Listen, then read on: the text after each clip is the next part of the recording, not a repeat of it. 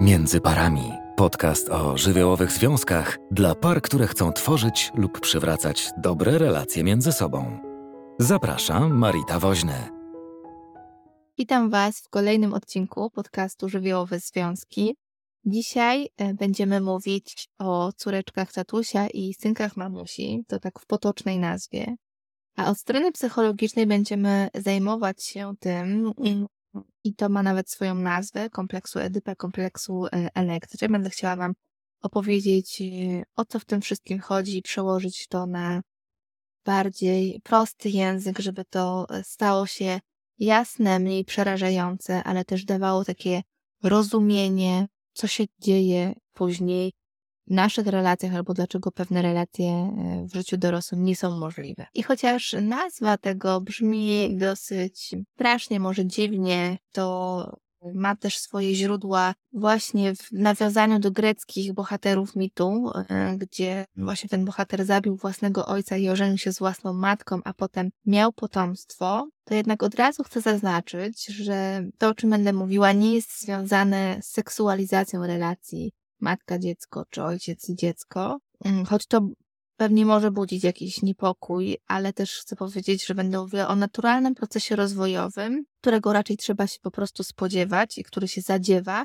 Im większą mamy świadomość, otwartość na to, co się dzieje w tych pierwszych etapach życia, jeśli mamy dzieci, to też y, możemy pomóc im w tym y, obszarze przejść go y, trochę łatwiej, a przynajmniej nie zaburzać bardziej tego procesu. Czyli to, o czym będę mówiła, można rozumieć jako jeden z mechanizmów zachodzących w rozwoju człowieka e, i jako naturalny etap rozwoju psychicznego dziecka, e, które podczas e, rodzącej się w nim właśnie seksualności ukierunkowuje gdzieś tą swoją seksualność, poszukuje, rozeznaje. To jest taki moment, w którym dziecko zaczyna się interesować ciałem, seksualnością, różnicami pomiędzy e, ludźmi, które następują, ale nie chodzi o dosłowność tego, czyli że dziecko interesuje się e, seksem, seksualnością, e, która miałaby się wydarzyć z rodzicem, tylko interesuje się po prostu tym, czemu my czasami nadajemy takie znaczenie, którego nie ma, i jako dorośli właśnie dokonujemy tej seksualizacji. Zacząć by trzeba było od tego, że każde dziecko e, w pewnym okresie życia zaczyna interesować się swoim ciałem, swoją cielesnością i w tym seksualnością. Czyli małe dziecko zaczyna poznawać swoje ciało i nie ma w tym nic e, niestosownego. Zaczyna je, je dotykać, odkrywać to, że ten dotyk może być też przyjemny. Czasem rozładowywać w ten sposób napięcie poprzez masturbację, ale też przychodzi taki moment w fazie życia tego dziecka, że zaczyna się interesować płcią przeciwną, widzieć różnice, zastanawiać się, z czego one wynikają, co one oznaczają, dlaczego yy, na przykład kobiety rodzą dzieci, a mężczyźni nie, a jak to się dzieje, że to dziecko pojawia się na świecie. Można więc powiedzieć, że ono otwiera się na inność i jest tego ciekawy.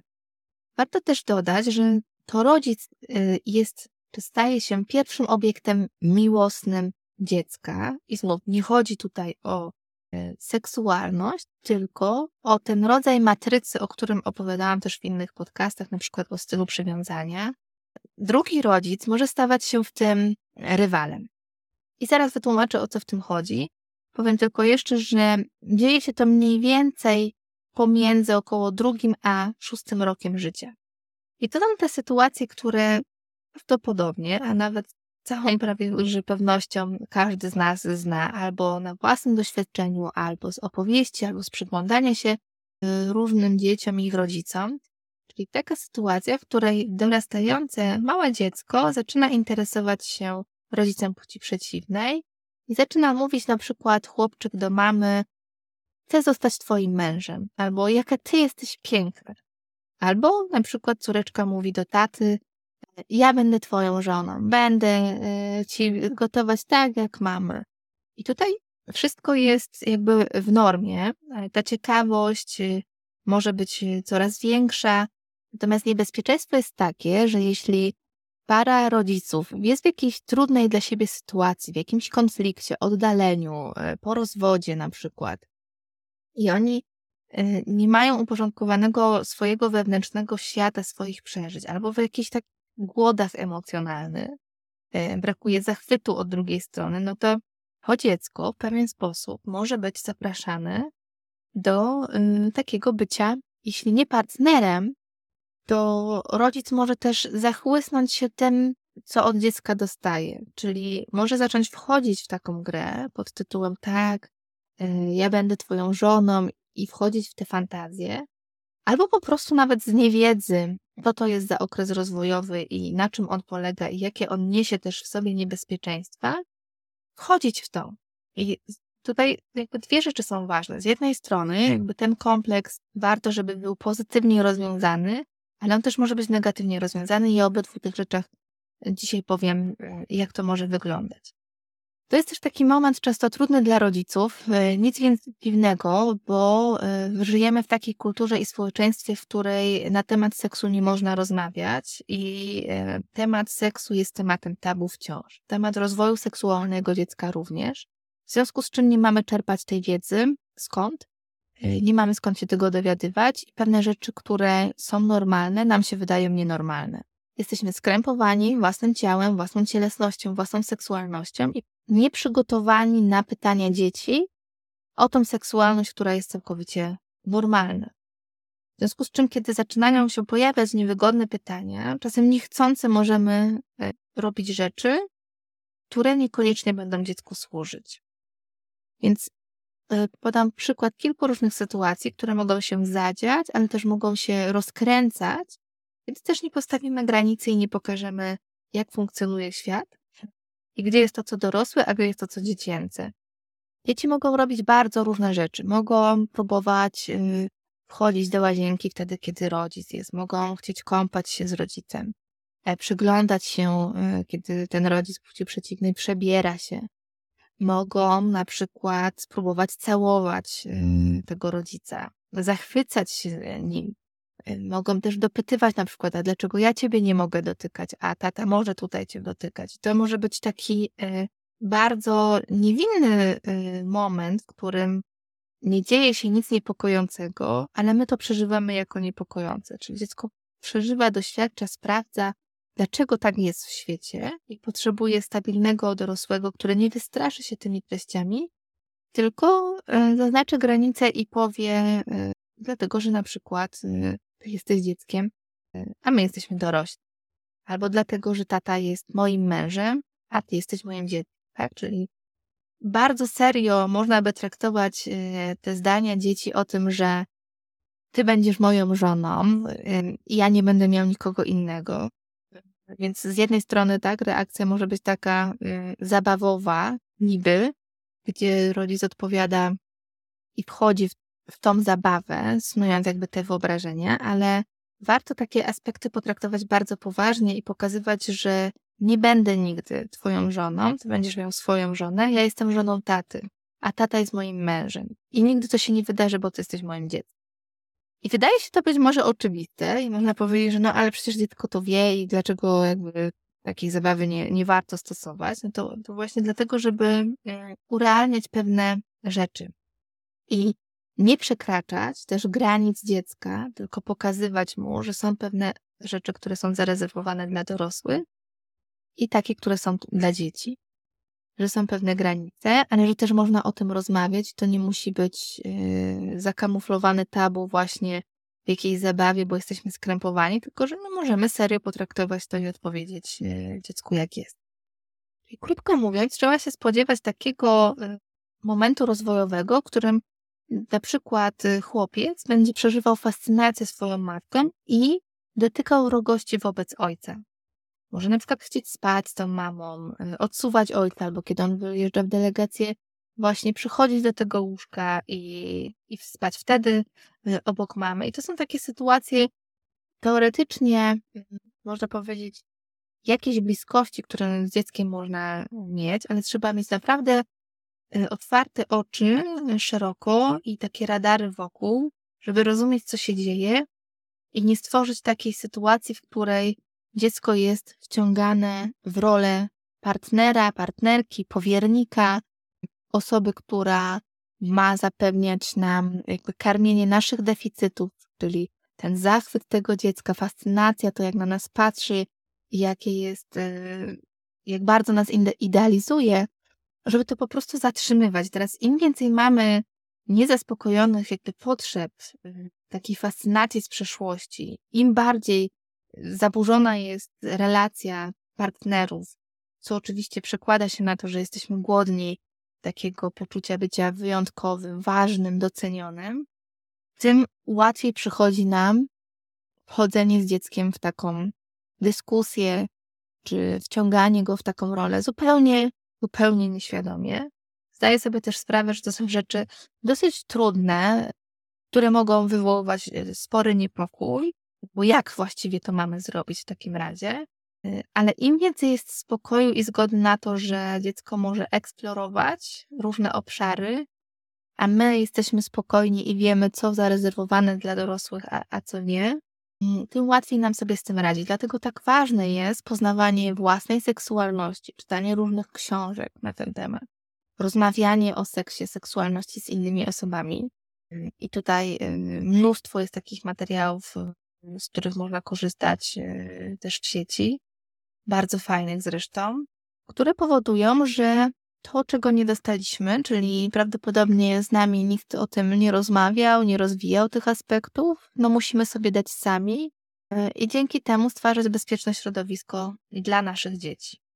Zdarza mi się też e, słyszeć w gabinecie takie historie, kiedy na przykład e, tata zabierał e, córeczkę na tak zwane randki, albo na przykład nie było to nazywane randkami, ale mieli taki wspólny czas, wychodzili sobie na lody, natomiast zawsze ta mama była wykluczana. Albo wyjeżdżali razem na wakacje, a mama nie brała w nich udziału. Albo mama jeździła na te wakacje też, ale tam działo się coś szczególnego dla e, tego taty e, e, i córki. I to nie chodzi o to, że ojciec i córka nie mogą mieć bliskiej przestrzeni dla siebie, wręcz przeciwnie. Zarówno ojciec z córką, jak i matka z synem ważne, żeby mieli takie kawałki bliskości, ale nie może być w tym wykluczania drugiego rodzica i stwarzania takiej wizji czy iluzji tego, że dziecko jest ważniejsze od tego partnera czy partnerki, że jest ciekawsze, bardziej fascynujące, że coś jest dla niego zarezerwowane. Jeśli przy tym jest jeszcze konflikt pomiędzy rodzicami i taka krytyka ze strony jednego partnera na drugiego, że właśnie na przykład mama się nie nadaje, bo nie lubi takich wyjazdów, nie to co z tobą, z tobą to świetnie się właśnie, nie wiem, chodzi po górach, więc cudownie, że mam taką córkę, albo chodzenie z nastoletnią córką i zaszczyt czy duma z tego, że ktoś może pomyśleć o tym, że to jest y, partnerka, y, przychodzenie, nie wiem, do łóżka, gładzenie po głowie, subtelne niby rzeczy, ale bardzo naruszające granice i robiące pewien rodzaj zagmatwania e, tych relacji. I w drugą stronę podobnie, czyli kiedy to na przykład mama rozczarowana ojcem może mówić, y, Nikt mi na świecie już nie pozostał, tylko z tobą jestem, ty jesteś moim jedynym mężczyzną na świecie. Wcale nie jesteś taki jak ojciec, och, jak ty cudownie o mnie dbasz, no właśnie, tata się mną. Gdybyś ty się mężu tak mną zachwycał jak on na przykład, tak? Czyli są tylko przykłady jakichś zdań, ich może być bardzo, bardzo dużo, różnych. Możecie poszukać sobie w swoim doświadczeniu, takich, w których y, czuliście, że wygrywacie z tym rodzicem płci przeciwnej, bo to o to chodzi. Czyli dziecko powinno wyjść z takim poczuciem, że para jest parą, parą, która trzyma się razem, a ono jest ich dzieckiem. I nie inaczej.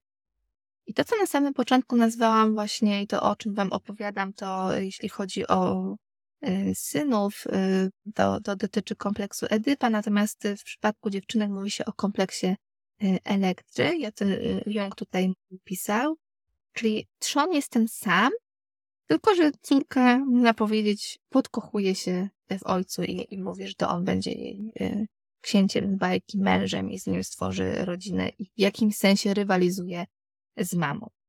I to też taka sytuacja, w której córka może zyskiwać jakieś specjalne względy u ojca, staje się jego małą królewną, księżniczką, córeczką tatusia, Podobnie jak właśnie ten syn w stosunku do ojca, który jest bardzo blisko mamy, która mu mówi, ty jesteś najważniejszy na świecie. I on też może zacząć czuć się lepszy od swojego ojca, wrogo na niego patrzeć, zestansowany, może stawać w obronie matki, jeśli na przykład jeszcze mama dzieli się swoim cierpieniem, jakie to ojciec zadał, jaki to jest beznadziejny i jak dobrze, że to ty, synu, nie jesteś taki jak on, to niebezpieczeństwo jest ogromne, ponieważ syn może negować ojca, przez co nie może też się z nim zidentyfikować. Czyli staje się ukochanym synkiem e, mamusi. E, I to się dzieje często w takich sytuacjach, kiedy właśnie rodzice mają jakoś do siebie nie po drodze, kiedy są ze sobą w konflikcie, w kryzysie, albo ojciec nie spełnia oczekiwań matki, matka nie spełnia oczekiwań ojca, e, ktoś kimś jest rozczarowany, ktoś wobec kogoś ma jakieś ogromne wymagania. I idealnie by było, i tak też jest, że dzieci same trochę potrafią sobie ten konflikt kompleks EDP czy elektry rozwiązać, ale czasem potrzebują też y, do tego rodzica, żeby nastąpiło pozytywne rozwiązanie tego. Czyli to musi być taka sytuacja, kiedy dziecko przegrywa rywalizację z rodzicem. Więc y, taka sytuacja, kiedy dziecko na przykład widzi, że rodzice wychodzą razem na ran, albo wyjeżdżają razem na wakacje, albo mają wspólny czas i niekoniecznie chcą go dzielić z dzieckiem co oczywiście yy, czasem jest bardzo trudne, bo wszystkie nasze przekonania, często u kobiet tak się dzieje, jaką będę matką, czy jak zostawię, a powinna z nim być, i tak dalej, i tak utrudniają nam to. Natomiast oczywistym jest to, że dziecko może przeżywać frustrację. Może pytać dlaczego. Może być e, smutne i złe, zaniepokojone, że zostaje samo i wy tam sobie gdzieś idziecie na wakacje na przykład, albo wy gdzieś wychodzicie beze mnie i dlaczego, a mi jest teraz przykro.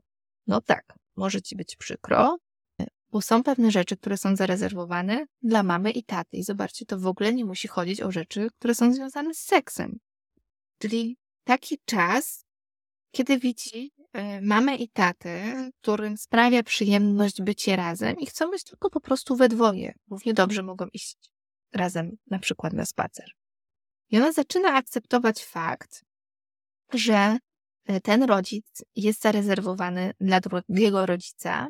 E, dzięki temu może kierować swoją uwagę na rówieśników, i to jest dla niego bardzo rozwojowe i, i dobre, ale zaczyna też umieć poruszać się w relacjach takich y, trójkątnych, czyli że nie trzeba w nich rywalizować, tylko jest też miejsce dla każdej osoby określone i nie trzeba być ani wykluczonym, ani nie musi tam być uwikłania, ani nie musi być walki.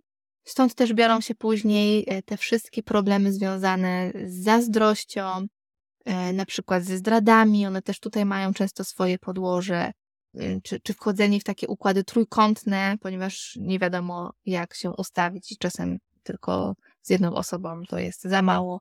Więc wtedy też mocno, na przykład na terapii, można przyglądać się tym kawałkom, w tym okresie życia, jak to właśnie e, wyglądało. I w przypadku e, syna ten moment takiego pozytywnego rozwiązania też skutkuje tym, że następuje mechanizm identyfikacji z ojcem, a w przypadku córki identyfikacji e, z matką.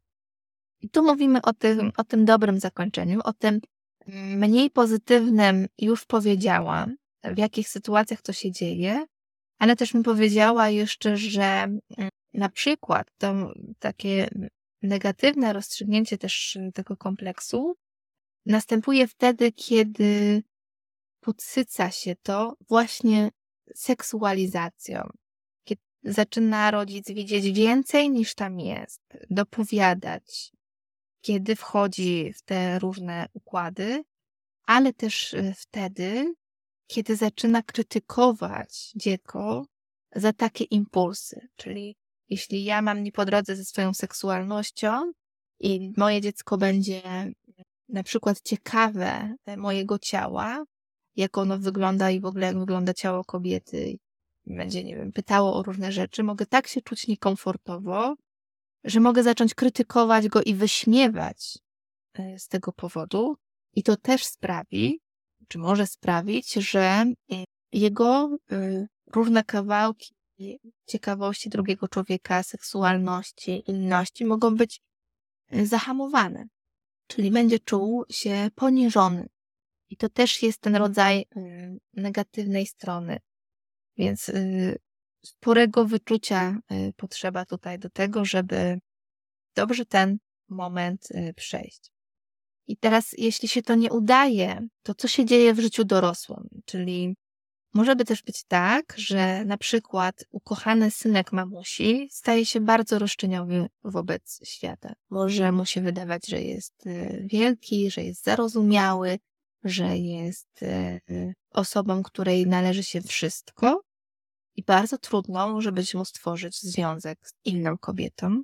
I to nie jest tak, że on kocha tą mamę ponad wszystko, tylko wewnętrznie też z tego powodu cierpi, ponieważ ma pragnienie zbudowania e, relacji z kimś innym. Tam może być też szereg różnych innych trudności, takich kawałków narcystycznych, e, lękowych, problemów z krytyką, z agresywnością na przykład. Bardzo róż, w różne strony może to pójść. W przypadku dziewczynek y, te trudności mogą też dotyczyć budowania udanego związku, czyli czy ten związek w ogóle uda się zbudować, bo to mogą być historie różnych y, małych dziewczyny, które w życiu dorosłym wchodzą w relacje z zajętymi osobami, niedostępnymi, zmieniają na przykład y, partnerów czy, czy partnerki, ale też z taką znowu roszczeniową postawą wobec y, drugiej osoby, y, czasem z szantażem emocjonalnym, pokazując swoje potrzeby na pierwszym miejscu. I bardzo trudno jest też dorównać takiemu wspaniałemu tacie, tak, jak mówimy o córeczce tatusia, więc żaden mężczyzna no nie może temu sprostać. I czasem to jest świadome, że takie kobiety mówią na przykład o tym, że właśnie, no, że to, to nie jest tak jak mój tata, tak? Ja jestem córeczką tatusia. Tata się też może mocno jakoś interesować tymi mężczyznami. E, natomiast może też być tak, że to może być bardzo ukryte, czyli nam się może wydawać, że właściwie przecież to ojciec nas e, poranił, nie, nie był obecny, ale wymaga to szerszego przyjrzenia się czasem po prostu z psychoterapeutą, żeby to też dobrze zobaczyć. Więc taka kobieta też może wybierać dużo starszych mężczyzn od siebie. Teraz, jak takie dziecko przychodzi taką fazę, tak jak powiedziałam, czyli w większości sytuacji dziecko samo to pokonuje. Ono w pewnym momencie zaczyna odczuwać wstyd, krępuje się, nie chce, żeby na nie patrzeć, chowa się, przebiera, mówi nie zaglądaj, e, nie podglądaj, chce być sam. Tak, jakoś zaczyna go krępować czy na przykład nadmierne okazywanie czułości, chodzenie za rękę, zaczyna ją czy go krępować, mówi nie całuj mnie, nie trzymaj mnie, nie chcę, żeby rówieśnicy też to widzieli. I to jest też naturalna faza, która się potem zadziewa. No i chodzi o to, żeby tego e, znowu nie umniejszać, e, żeby w tym wszystkim nie seksualizować to przede wszystkim, nie wzmacniać zainteresowania, e, nie wzmacniać też e, jakiejś krytyki względem e, drugiego rodzica, nie dewaluować go i przede wszystkim ułożyć sobie relacje i zająć się sobą jako parą w takich okresach, poprzyglądać się, co takiego się dzieje, czemu to dziecko jest bliżej z jednym bądź z drugim rodzicem. Możemy też y, korygować krępujące zachowania, właśnie nie zawstydzając, y, nie karcąc, nie oburzając się, też nie epatować swoją seksualnością, nagością w obecności e, dziecka. No i stawiać też y, właśnie granice, wyjaśniać, traktować poważnie, przywracać ten porządek e, pokoleniowy, czyli że mama ma już mężczyznę, tata ma już kobietę, a ty jesteś dzieckiem. I to wszystko ma służyć temu, że dziecko zaczyna rozumieć, że miłość dorosłych po prostu jest wyjątkowa. Jest wyjątkowa, jest szczególna, jest w jakichś aspektach zarezerwowana właśnie tylko dla nich, ale ono też ma tam swoje miejsce, wyjątkowe miejsce, takie, w którym jest kochane równie mocno, ale to miejsce dla dziecka też jest szczególne. Ich relacja jako rodziców jest szczególna, i jego relacja z rodzicami też może być szczególna, po prostu inna. I tutaj się odniosę do tych aspektów zazdrości, czyli że na takim bardzo podstawowym poziomie ten kompleks Edypa, to jest też Edypa, Edypa i elektron jest jakoś zrównany do jednego, bardzo często mówi się y, o jednym po prostu, o to samo tak naprawdę chodzi.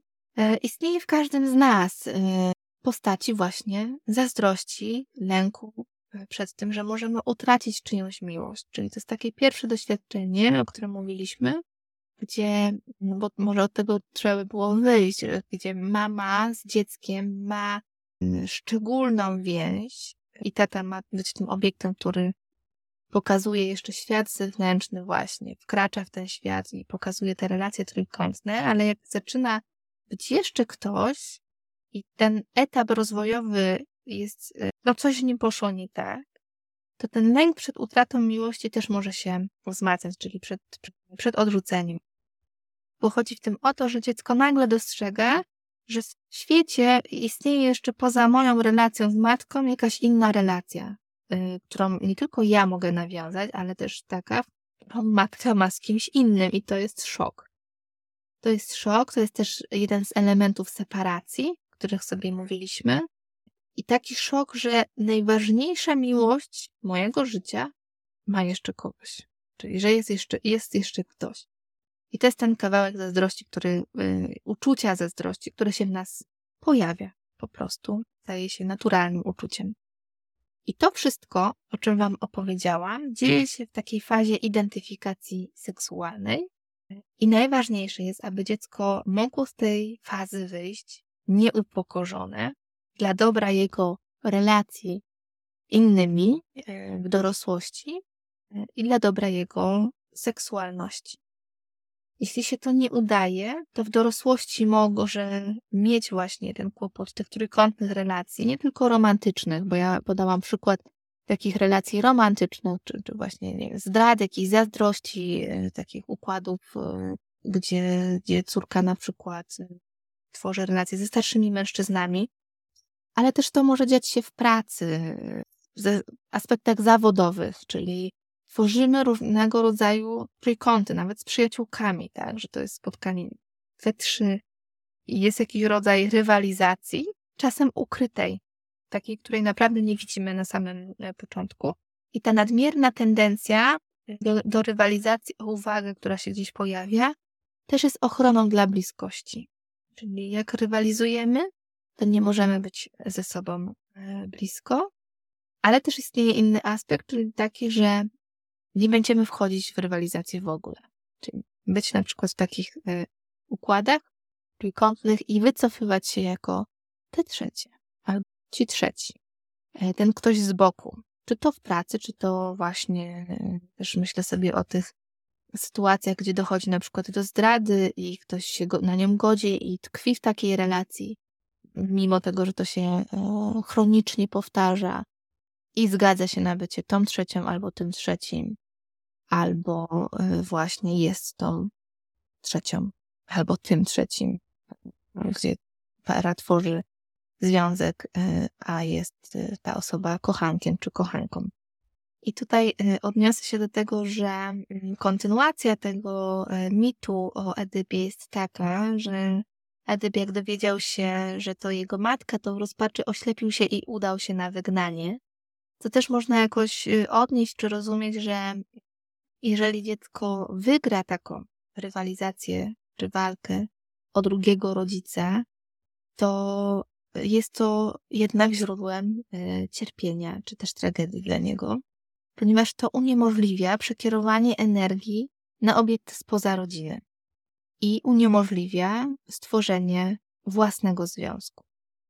Czyli to, co przysparza nam często najwięcej trudności, a więc radzenie sobie z własną frustracją, kiedy wychowujemy dzieci, ale co może bardziej y, radzenie sobie z frustracją dziecka, bo chcemy dla niego jak najlepiej, nie chcemy go skrzywdzić, nie chcemy, żeby coś mu się złego przytrafiło, to jest zupełnie oczywiste, ale mając też y, różne doświadczenia jeszcze z dzieciństwa własnego, y, różnych opuszczeń, zranień, tym bardziej możemy mieć taką potrzebę, żeby przypadkiem nasze dziecko się nie frustrowało.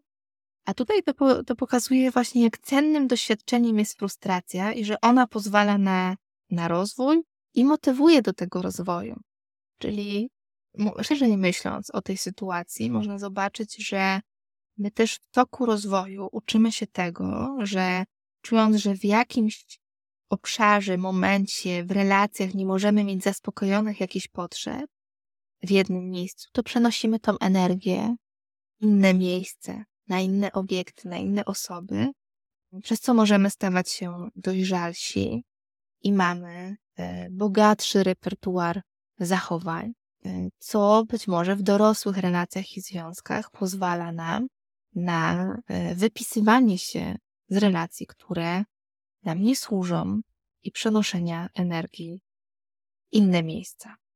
I już ostatnia rzecz, która w tym okresie, w tej fazie tworzy się, to jest tworzenie się super ego, czyli takiego czegoś, co jest odpowiedzialne za odczuwanie poczucia winy.